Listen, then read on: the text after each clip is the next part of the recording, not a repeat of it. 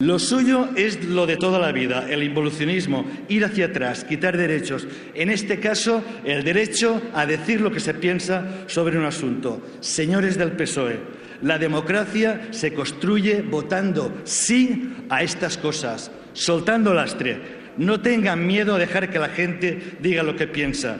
Y una vez les han escuchado, hablen de política, de su posición política, de su modelo de Estado. Señor Rajoy, Quítese los tapones, escuche, hable, dialogue.